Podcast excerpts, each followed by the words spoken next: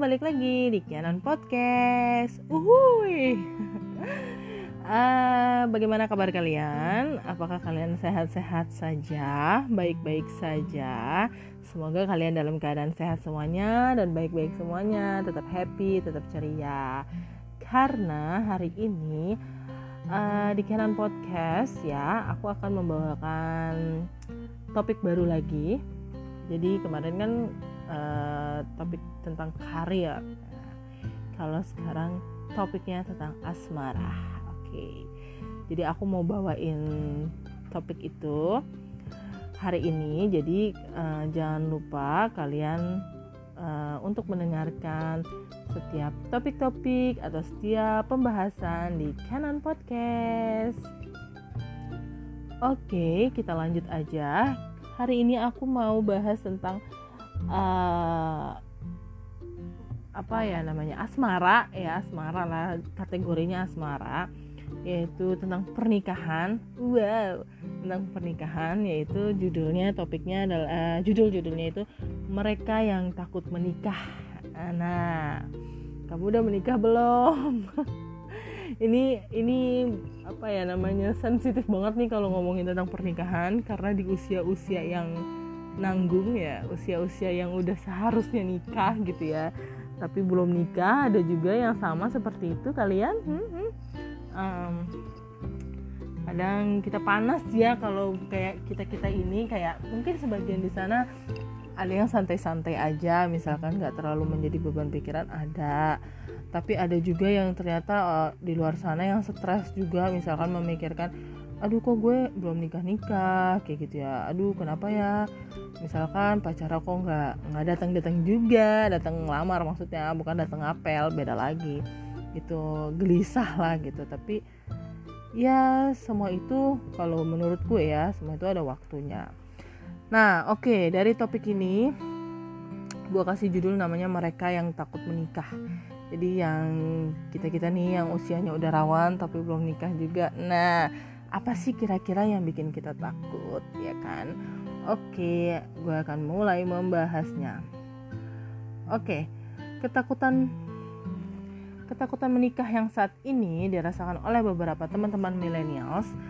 Ternyata wajar dirasakan oleh generasi generasi generasi buah banget generasi milenial saat ini dan dialami juga oleh banyak millennials di sebagian besar negara di dunia. Jadi tenang, gak cuma di Jakarta aja yang generasi milenialsnya itu belum nikah-nikah di usia yang lagi mm, gitu kan. Tenang, gak di Jakarta doang, tapi di Indonesia juga ada, pastinya ada, gak mungkin gak ada. Dan pastinya juga ternyata banyak di negara-negara lain sana, ya kan. Nah, ada rasa adanya rasa takut yang teman-teman milenial rasakan karena menganggap ini asumsi aja ya, karena e, nganggapnya menikah itu tidak menarik. Lalu ada lagi hanya menimbulkan sebuah masalah dan menghambat karir. Jadi hal ini yang paling sering banget dialami uh, atau yang dirasakan dan diasumsikan oleh teman-teman milenials yang tinggal di perkotaan. Lanjut, ini gue sambil cari, gue sambil uh, sebelumnya gue tuh udah cari-cari gitu kan dari riset duluan, jadinya kurang lebih seperti itu. Di kalangan anak muda yang masih single dengan rentan uh, rentang kelahiran 80-an sampai 90-an atau bahkan 2000 mungkin sekarang termasuk milenial. Tapi setahu gue dua anak kelahiran 2000 itu beda lagi deh nah namanya. Pokoknya ini yang 80 sampai 90 tuh setahu gue itu masih kategori milenials ya. Memilih hidup sendiri dan takut menikah. Ada istilah namanya itu gemofobia yaitu ketakutan irasional seseorang untuk membuat komitmen berumah tangga hal ini dirasa wajar di kalangan anak muda karena rata-rata teman-teman milenial itu menganggap bahwa pernikahan akan membuat stres dan merepotkan. Oke, istilah gemophobia ini gue cari, gue searching di Google pastinya ya, di mana lagi gitu kan. uh, itu ada istilah itu tentang orang yang takut menikah gitu orang-orang yang sekiranya tuh udah cukup cukup uh, usia gitu untuk menikah tapi dia nggak nikah nikah juga itu ada istilah gemophobia tadi. Terus ya itu tadi sebagian orang ada yang ngerasa uh, bilang mikir kalau nikah itu kayaknya repot banget deh karena harus berkomitmen dan uh, sama pasangannya berkomitmen sama semuanya sama keluarganya juga kan dan lain sebagainya. Itu ada yang takut juga sih pasti. Terus lanjut sedangkan rata-rata teman milenial yang tinggal di perkotaan cenderung memilih menikah setelah usia 30 tahun karena biasanya teman-teman itu cenderung memiliki pemikiran bahwa pernikahan harus disiapkan dengan penuh pertimbangan, bukan karena dorongan asmara atau cinta semata. Nah ini gue setuju banget ya guys, setuju. Tolong digaris bawahi karena benar karena uh, nikah itu nggak cuma karena lo cinta. Aduh gue cinta gue mau nikah sama lo. Basi kalau lo nggak punya apa-apa sekarang tuh lo mau hidup pakai apa ntar gitu. Lo mau ngasih makan istri lo apa? Lo mau makan eh lo mau ngasih makan anak lo apa makan nasi kan misalkan kalau di Indonesia makan nasi ya uh, nasi dibelinya pakai apa pakai uang jadi pastikan dulu uh, bahwa kalian-kalian uh, ini yang akan mau menikah ini itu sudah cukup dari segi finansial contohnya uh, pasangannya sudah bekerja misalkan punya pendapatan dari mana oke nanti itu kita bahas ya masalah pendapatan dan lain sebagainya. Jadi uh, yaitu apa namanya harus dipikirkan secara matang-matang bahwa pernikahan ini tidaklah atau bukanlah sebuah ya kayak orang main-main aja gitu. Cuma ngomong cinta modal cinta itu nggak bisa. Tapi lo emang harus prepare harus mateng-mateng terutama dari segi ekonomi dan finansial. Lanjut. Oke, ini ada beberapa faktor yang bisa bikin kamu tuh maju mundur dalam menikah, ya kan? Uh, di antaranya problema keuangan, yang tadi gue bilang masalah finansial, ya kan? Terus keterikatan, masalah tanggung jawab, faktor sosial, pengalaman buruk tentang pernikahan terdahulu, misalkan kamu yang udah udah nikah sebelumnya ya, lalu kurang pede dan masih banyak lagi. Jadi banyak banget ternyata faktor-faktor yang bikin kita tuh maju mundur buat nikah. Yang tadi beberapa tuh yang uh, gue bilang uh, faktor-faktornya itu kayak ya itu tadi kayak pengalaman buruk tentang pernikahan terdahulu. Mungkin kamu sebelumnya udah nikah lalu kamu mungkin aja bisa dia per di pernikahan dulu itu kamu disakiti misalkan atau diapain ya. Gue nggak tahu sih misalkan contohnya disakiti aja ya. Jadi kamu tuh ada trauma gitu untuk ke pernikahan selanjutnya untuk menghadapi pernikahan selanjutnya kamu takut karena takut itu tuh terulang lagi kayak gitu. Faktor keuangan juga tadi yang gue bilang jangan cuma model cinta doang. Hari gini woi 2020 apa itu cinta? Oke cinta kalau tidak diimbangi dengan uh, uang juga nggak bisa hidup. Bukannya matre ya takutnya nanti kan banyak orang yang tahu cowok-cowok yang bilang ya matre banget nih kalau pakai uang uang matre banget. No itu bukan matre tapi kita harus lihat dari sisi mana dari segi mana gitu.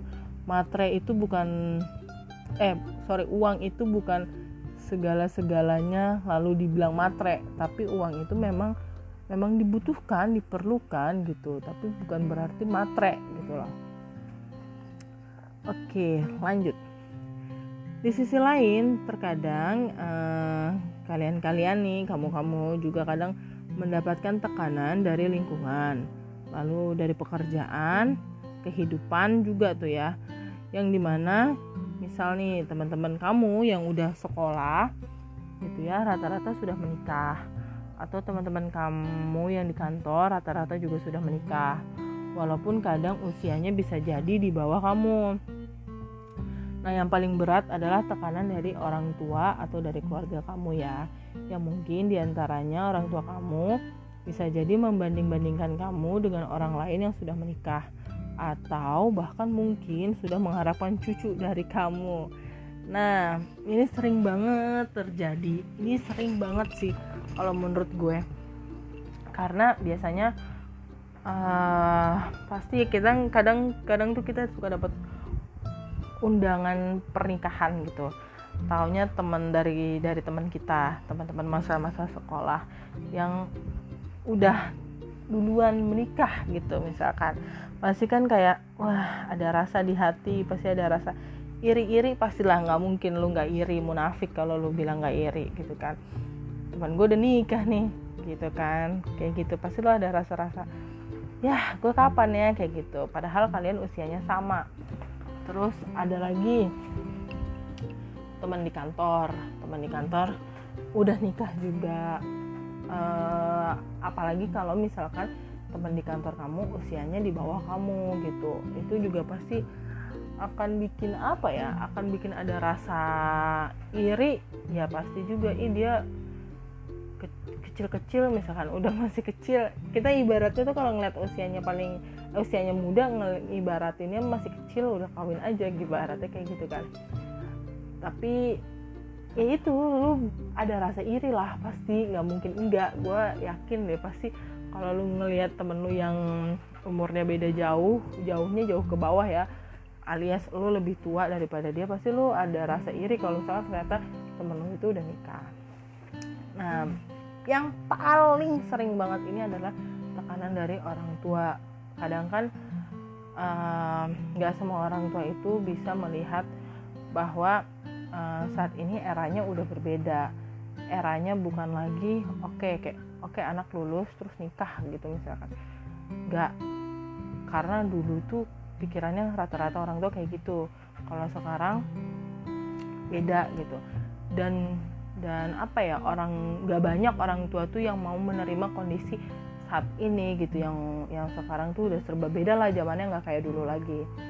Nah paling gak enak dari semua ini ya kalau kamu ditekan sama orang tua untuk kapan buat nikah gitu. Apalagi kalau misalkan kamu udah pacaran lama terus uh, misalkan pacar kamu tuh nggak nggak nikah nikahin juga misalkan kayak gitu. Pasti kan ada pertanyaan-pertanyaan dari orang tua kayak gitu. Nah itu sih paling yang paling krusial yang paling yang paling nggak ngenakin masalah pernikahan pasti dari orang tua. Terus belum lagi kalau misalkan orang tua kamu ngebanding-bandingin kamu sama orang lain. Pastinya itu nggak enak banget. Buat aku pribadi uh, ngebanding-bandingin orang apa diri diri diri kita atau siapa pun lah pasti nggak mau dibanding-bandingin lah gitu ya. Makanya buat gue pribadi dibanding-bandingin itu nggak enak dan nggak bagus gitu. Karena uh, dampaknya dampaknya dampaknya efeknya itu nggak bagus gitu. Bisa jadi mungkin orang lain ngomong ngebanding-bandingin ah nggak apa-apa itu kan cuma omongan doang gitu. Tapi ke, bisa jadi kena psikisnya atau mentalnya ke orang ke orang yang dibanding-bandingin itu gitu. Nah itu sih yang perlu dicatat karena masih banyak orang tua orang tua yang uh, suka ngebanding-bandingin anaknya sama anak lain gitu terutama misalkan tentang pernikahan. Kapan nikah kapan nikah gitu. Gak cuma orang tua sih sebenarnya kayak dari keluarga-keluarga juga gitu. Pernah pernah ini gak sih kalian kalau misalkan kalian ke lebaran gitu ya kumpul-kumpul keluarga? Ini karena lagi covid mungkin gak semua keluarga kumpul-kumpul ya. Nggak bisa merayakan lebaran kayak dulu lagi yang bisa kumpul-kumpul sama keluarga besar gitu. Karena kondisinya lagi covid. Tapi sebelum-sebelumnya kalau misalkan kamu flashback lagi ingat-ingat lagi. Kalau misalkan kamu lagi kumpul-kumpul keluarga uh, bisa jadi kamu yang ditanya atau orang lain yang ditanya. Atau ya misalnya keluarga kamu salah satu keluarga kamu yang ditanya kayak uh, kapan nikah? Kapan nikah? Kok nggak nikah nikah kapan undangannya? Kok nggak diundang-undang sih?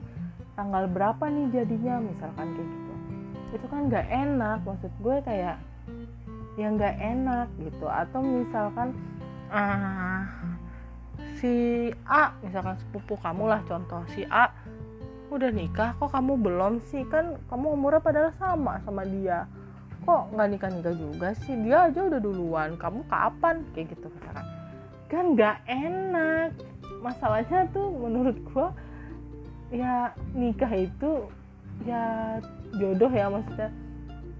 Sudah diatur sama Tuhan gitu loh emang lu siapa nanya-nanya mau nikah mau nikah mau nikah. Ya kalau kita udah merencanain tapi Tuhan belum berkehendak teh gimana? Gitu kan? Gitu. Jadi kadang nggak enak menurut gue kayak udah please stop deh. Kadang gue, gue juga suka kayak gitu sih. Ini apaan sih ditanya-tanya kayak gitu nih? Gitu kan. Pasti males banget gue rasanya kayak gitu. Nah itu maksud gue yang di situ tuh susah sih karena uh, pikiran orang di Indonesia udah kayak gitu gitu lanjut lagi. Ya yang kayak tadi gitulah bikin pusing kan? Gue jadi ngomong gitu jadi pusing gue buyar gue gara-gara masalah pernikahan. Oke jadi menurut gue nih ya setelah gue rangkum merangkum nih dari riset-riset yang gue baca dan dari beberapa orang beberapa teman-teman gue yang ternyata sama kayak gue juga yang belum nikah nikah tapi tetap santuy ya kan? Oke yang menjadi salah satu uh, generasi milenials yang belum nikah. Juga nih gue nih gue ya. Bukan berarti saat ini belum mau menikah atau bukan karena tidak mau tapi tidak ingin menikah gitu ya. Tapi ini lebih ke tapi uh, menunda pernikahan itu untuk saat ini demi mendapatkan dan menjalankan pernikahan yang menyenangkan. Oke, lalu pernikahan juga uh, karena sorry tunggu sebentar. Jadi menurut gue tadi kan gue udah baca-baca nih dari semuanya karena uh, lebih baik tuh kita menunda pernikahan untuk mendapatkan pernikahan yang nantinya menyenangkan. Karena menikah bukan hanya sebuah celebrate gitu ya sehari udah gitu. Melainkan pernikahan itu juga jauh jauh lebih penting. Artinya maksudnya gini menjalankan pernikahannya itu dalam seumur hidup itu jauh lebih penting karena ya itu bukan cuma satu hari aja kita oke okay, akad misalnya resepsi udah happynya di situ. Tapi gimana caranya kita menjaga ke happy happyan itu seumur hidup kita sama pasangan kita kayak gitu. Pastinya kan banyak problema apakah udah siap secara mental secara psikis ngadepin masalah-masalah rumah tangga nantinya yang bakalan lebih wow lagi gitu kan. Itu lebih mungkin kalau sekarang cuma bisa di mulut aja atau cuma bisa di pikiran aja ngebayangin. Tapi nanti kan kalau misalkan udah menikah kan seiring berjalannya waktu masalahnya akan lebih banyak. Terus hanteman hanteman hanteman lagi. Apa ya cobaan? Cobaannya jauh lebih banyak lagi kayak gitu nah itu sih yang harus emang benar-benar disiapkan dari sekarang kasarnya mental psikis dan lain sebagainya untuk menghadapi ujian-ujian untuk menghadapi cobaan-cobaan gitu yang akan datang silih berganti gitu. Nah kayak gitu. Terus um, itu menunda menunda supaya untuk menyenangkan. Jadi lebih baik kita menunda dulu pernikahan jangan kayak karena omongan-omongan orang atau karena tuntutan-tuntutan orang untuk menikah akhirnya jadi nggak happy gitu. Akhirnya kita jadi terpaksa. Ada kan yang kayak gitu. Akhirnya jadi nggak siap mental sama psikisnya untuk nikah kayak gitu. Ya karena nikahnya dipaksa atau diburu-buru karena orang lain gitu. Jadinya nggak nggak menyenangkan lah gitu. Nah untuk gue sendiri sih pikiran gue nih ya e, menurut gue ya tadi itu lebih baik menunda pernikahan agar nantinya hidup tuh dapat lebih mandiri di rumah sendiri nah ini sering banget nih alias bukan numpang tinggal di rumah orang tua atau di rumah mertua yang nantinya bisa menjadi malapetaka bagi rumah tangga. Masalah finansial menjadi masalah utama yang dipertimbangkan oleh banyak millennials yang mau menghadapi pernikahan. Ini benar juga karena uh, beberapa teman gue ya teman kantor gue ada yang nikah terus tinggal di rumah mertuanya. Itu ada. Ada yang laki-laki atau ada yang perempuan sama-sama ada yang pernah cerita pernah curhat ke gue bahwa gue masih tinggal di rumah mertua gue atau gue masih tinggal di rumah orang tua gue setelah mereka menikah. Pada akhirnya itu ada uh, gap gitu loh ada konflik gitu antara uh, menantu sama mertua. Pastilah biasanya sering banget itu begitu mantu sama mertua. Karena mereka tinggal bareng rata-rata pasti mertua tuh grecokin lah kasarnya. Grecokin uh, rumah tangganya si anak. Bisa jadi nih contoh misalkan um, kamu yang perempuan tinggal di mertua kamu berarti itu mertua itu berarti ibunya si laki-laki. Terus bisa jadi bisa jadi karena gimana ya kalau kalau kalau ibu perempuan kan biasanya suka ngecekin makanannya gitu penyayang gitu lah misalkan. Terus kamu ada melakukan kesalahan sedikit aja. Terus lanjut deh kamu diomongin atau diaduin misalkan ke suami kamu yang artinya anaknya si mertua kamu itu gitu. Gitu sih kalau menurut gue. Jadi itu yang bikin konflik-konflik konflik-konflik yang rese yang kasarnya bukan masalah bes bukan masalah penting alias sepele tapi bisa menjadi besar kalau dibiarkan. Jadi makanya menurut gue lebih baik kita menunda uh, pernikahan dan menikah di waktu yang tepat, di waktu yang matang, matang secara usia, matang secara psikologis dan matang secara mental. Selanjutnya, sebelum menikah ada baiknya dipersiapkan secara finansial. Balik lagi finansial, finansial, finansial. Itu paling penting menurut gue. Karena ya tadi uh, baiknya ya dengan finansial nih maksud gue kita bisa beli beli dulu nih kita biasa beli uh, rumah misalkan atau kalau emang kita nggak mampu misalkan aduh nggak mampu mati gue beli rumah di Jakarta yang harganya wow gitu ya. Nggak usah disebut nominal deh nanti lu pada pingsan gitu kan. Wow aja deh gue tahu sendiri kan harganya berapa rata-rata rumah di Jakarta. Misalkan mau sewa apartemen dulu atau sewa kontrakan dulu misalkan yang emang harganya masih terjangkau daripada lu tinggal di rumah mertua gitu yang akhirnya lu bisa sengsoro batin terus. Ya ibarat lo sesengsara mulu batin makan hati mulu gitu. Lebih baik lo bayar mahal tuh kontrakan atau apartemen tapi hidup lo nyaman damai tenang dan aman sentosa gitu ya. Hati lo terutama gitu. Jadi lebih baik menunda dulu untuk ngumpulin uang terus terus terus secara finansial uh, kalau punya investasi bagus bisa dipakai juga untuk kebutuhan lu dalam berumah tangga. Tapi kalau enggak ya lu tabung atau dari mana kayak lah gitu ya. Untuk terutama rumah dulu sih kalau gue daripada lu tinggal sama mertua. Itu uh karena gue nggak nggak cuma dengerin satu atau dua orang doang ngomongin mertuanya yang punya sikap atau bad attitude sama si mantunya. Tapi banyak banget gitu. Banyak banget teman gue yang cerita punya problematika setelah pernikahan itu sama mertuanya. Lanjut.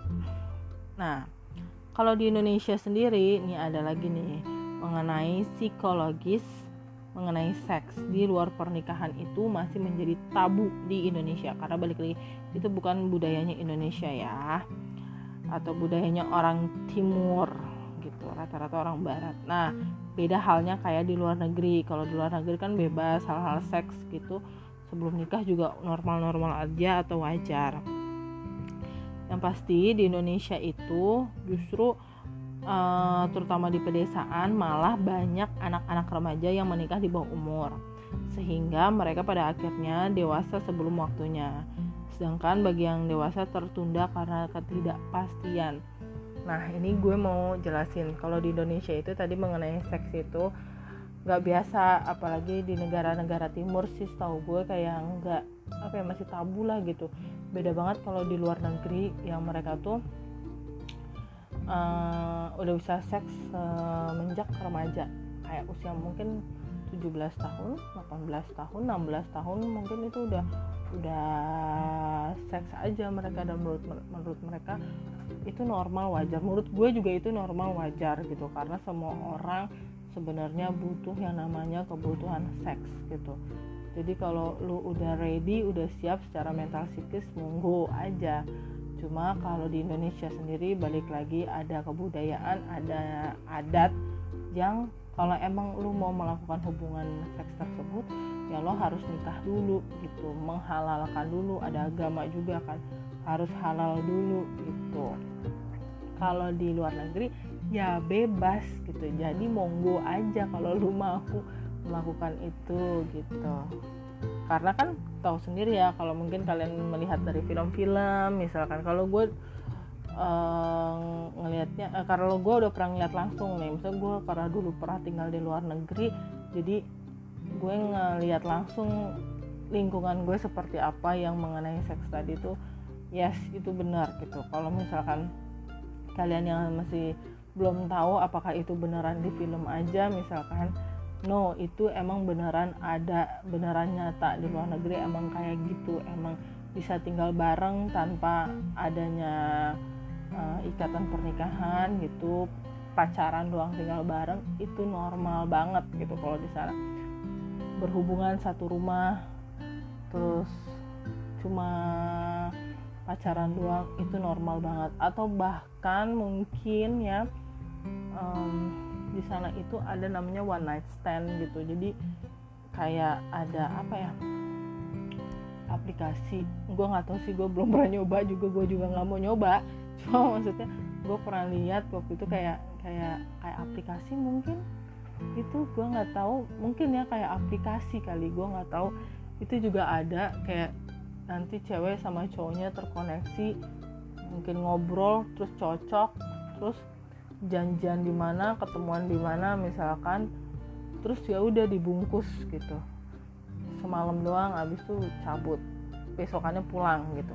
Mungkin kayak gitu. Mungkin di Indonesia pun juga ada nih karena di Indonesia kan ada yang yang nakal juga ada mungkin ada tapi adalah pasti nggak mungkin nggak ada. Tapi gimana gimana nya gue nggak tahu gitu. Tapi kalau kita ngomongin dari adat dan kebudayaan di Indonesia sendiri sih ya nggak boleh ya kalau emang mau ngelakuin seks ya balik lagi lo harus nikah dulu lo harus halal dulu secara agama baru lo boleh ngelakuin seks gitu. Nah kalau di desa tadi yang sesudah eh sesudah kan dari sebelumnya gue ngomong hmm, di perdesaan perdesaan iya benar sih atau di daerah-daerah kecil gitu banyak anak-anak remaja atau anak-anak yang masih muda gitu itu udah pada nikah kayak umur 13 tahun, 14 tahun, 15, 16 tahun itu kan belum cukup umur itu sudah menikah. Karena apa? Karena banyaknya mungkin di desa tuntutan ekonomi kayak gitu. Akhirnya memutuskan untuk menikah kayak gitu. Tapi hal ini tuh menurut gue jelek ya tidak baik gitu karena apa? Rata-rata anak-anak yang menikah itu akhirnya menjadi putus sekolah. Akhirnya contoh kalau mereka nikah umur 13 tahun ini banyak sih ya di Indonesia. Tapi yang di pedesaan-pedesaan itu itu banyak yang nikah-nikah muda anak-anaknya. Uh, kalau misalnya mereka udah nikah nikah gitu misalnya 13 tahun 13 tahun itu kayaknya SD SD akhir atau awal SMP gitu ya SMP kelas 1 mungkin atau SD kelas 6 akhir gitu. Kalau mereka udah menikah gitu akhirnya mereka mesti putus sekolah nggak ngelanjutin sekolahnya lagi. Ya karena mereka jadi punya beban dan tanggung jawab sebagai ibu rumah tangga kan. Kayak harus ngurusin suaminya terus udah gitu ngurusin anak-anaknya kalau misalkan udah punya anak langsung kayak gitu. Itu kalau dari sisi perempuan. Kalau dari sisi laki-lakinya ya kurang lebih sama tapi lebih kayak harus mencari nafkah gitu. Harus kerja nyari nafkah kan buat istri dan keluarganya. Ditambah kan tadi kan pasti udah pas tuh putus sekolah tuh. Ditambah kerjanya jadi serabutan kayak gitu loh kerja serabutan kerja apa aja. Jadi ya makin anjlok lagi lah maksud gue makin turun lagi lah orang-orang yang tidak memiliki pendidikan yang layak di Indonesia ini itu salahnya dan sayangnya seperti itu dan masih terjadi kayaknya sih kalau di Indonesia untuk di pedesaan-pedesaan gitu atau di wilayah-wilayah atau kota-kota kecil mungkin yang nikah di bawah umur tuh masih banyak banget. Kayak gitu. Sedangkan kalau kita yang di Jakarta atau yang rata-rata tinggal di kota besar pasti ya lebih baik menunda tadi menunda pernikahan karena banyak pertimbangannya banyak opsinya dalam artian kayak oke okay, gue lebih memilih berkarir dulu deh gitu daripada harus nikah. Karena faktornya apa kayak gitu. Atau ada juga nih yang kayak oke okay, gue mau ngelanjutin S2 dulu deh. Bisa jadi kan daripada gue harus nikah. Karena apa kayak gitu. Jadi banyak faktornya jadi mereka lebih baik menunda dulu. Nah dari semuanya ya kan? Dari semuanya tadi jadi kita tahu nih bahwa um, menikah itu bukan hanya menikah ya udah menikah gitu. Tapi lebih um, bukan maksud gue gini loh menikah itu nggak ya oke okay, cuma sekedar menikah antara lo sama gue nggak. Tapi menikah itu adalah menikahkan juga keluarga kalian keluarga besar perempuan dan keluarga besar laki-laki. Jadi satu nih menikahkan itu keluarga kalian. Terus menikah itu juga secara mental dan psikis juga perlu banget karena supaya nggak uh, nggak nggak down mungkin ya nggak kaget atau apa ya nggak nggak drop gitu mental kalian. Kalau misalkan kalian nggak siap ya kalian akan ngedrop sama pernikahan kalian sendiri. Kalian nggak bisa ngatasin masalah-masalah yang bakalan menimpa ke keluarga kalian. Maksudnya ke keluarga kecil kalian nih. Kan keluarga baru kan membentuk keluarga baru kan pernikahan. Jadi nggak bisa nggak bisa lo udah shock duluan gitu karena gini namanya lo melangkah ke step yang lebih lanjut step selanjutnya pasti rintangannya juga semakin besar kan. Anginnya ibaratnya badainya tuh makin wah jadi semakin semakin akan ada aja masalah gitu. Kalau lo udah ngedrop kalau lo udah ngedown gitu ya lo mental lo down gitu kan. Lo jadi nggak bisa ya memberikan solusi atau mencari solusi atau apa ya mencari celah gitu untuk atau untuk memperbaiki lah kasarnya masalah-masalah yang menimpa di keluarga kecil lo itu gitu. Makanya penting banget lo harus siap mental siap secara psikis siap mental tadi gitu. Karena badai-badai itu akan datang gitu. Seiring perjalanan pernikahan kalian sampai di masa sampai akhir hayat gitu sampai tua nanti gitu. Terus ya itu selanjutnya ya masalah finansial tadi yang gue bilang penting. Kenapa? Karena ini dari semua ringkasan finansial sih yang paling utama menurut gue. Karena kayak fondasinya karena cinta aja nggak cukup istri lo anak lo nggak bisa makan cinta doang nggak kenyang gitu. Perlu makan nasi. Nasi belinya di mana? Misalkan di warung gitu ya. Di warung belinya pakai apa? Pakai uang tetap balik lagi uang. Jadi butuh banget yang namanya uang dalam pernikahan. Untuk apa kau perlu kegunaannya macem-macem?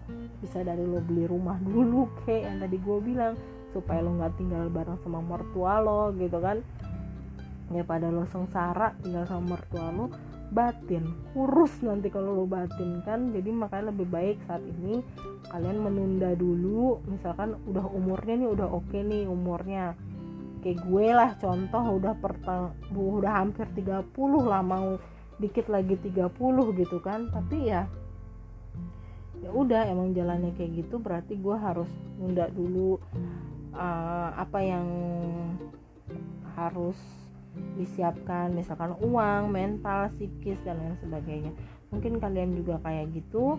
Ada juga ya sama-sama bersabar aja sampai uh, emang waktunya tiba gitu. Jadi jangan khawatir atau jangan ngedrop, jangan down kalau misalkan ada omongan kanan kiri yang bikin kalian gak nyaman sih pada akhirnya ya kayak tadi yang gue bilang orang tua ngebanding bandingin kapan punya eh kapan nikah misalkan kapan punya anak kalau misalkan kalian udah menikah gitu kan misalkan atau yang belum nikah ya palingan kapan kalian menikah gitu. Jadi jangan down kalau digituin. Dijawab aja menurut gue dijawab aja sejawaban yang selogis logisnya senyaman nyamannya lo buat jawaban yang kira-kira oke okay, orang nih gak usah nanya-nanya gue lagi nih masalah ini rese dan risih banget kan gitu kan. Kalau lo ditanya-tanya kayak gitu jadi jawab aja seperlunya. Kalau menurut gue jangan sedih jangan down tetap semangat dan semoga yang misalkan saat ini belum ada jodohnya semoga bertemu dengan jodohnya dan dipermudah langkah-langkahnya menuju uh, pernikahan contohnya disiapkan dulu tabungannya mentalnya psikisnya untuk uh, mendapatkan hari pernikahan yang indah serta menjalankan pernikahannya itu sendiri secara baik dan secara indah sampai akhir hayat itu.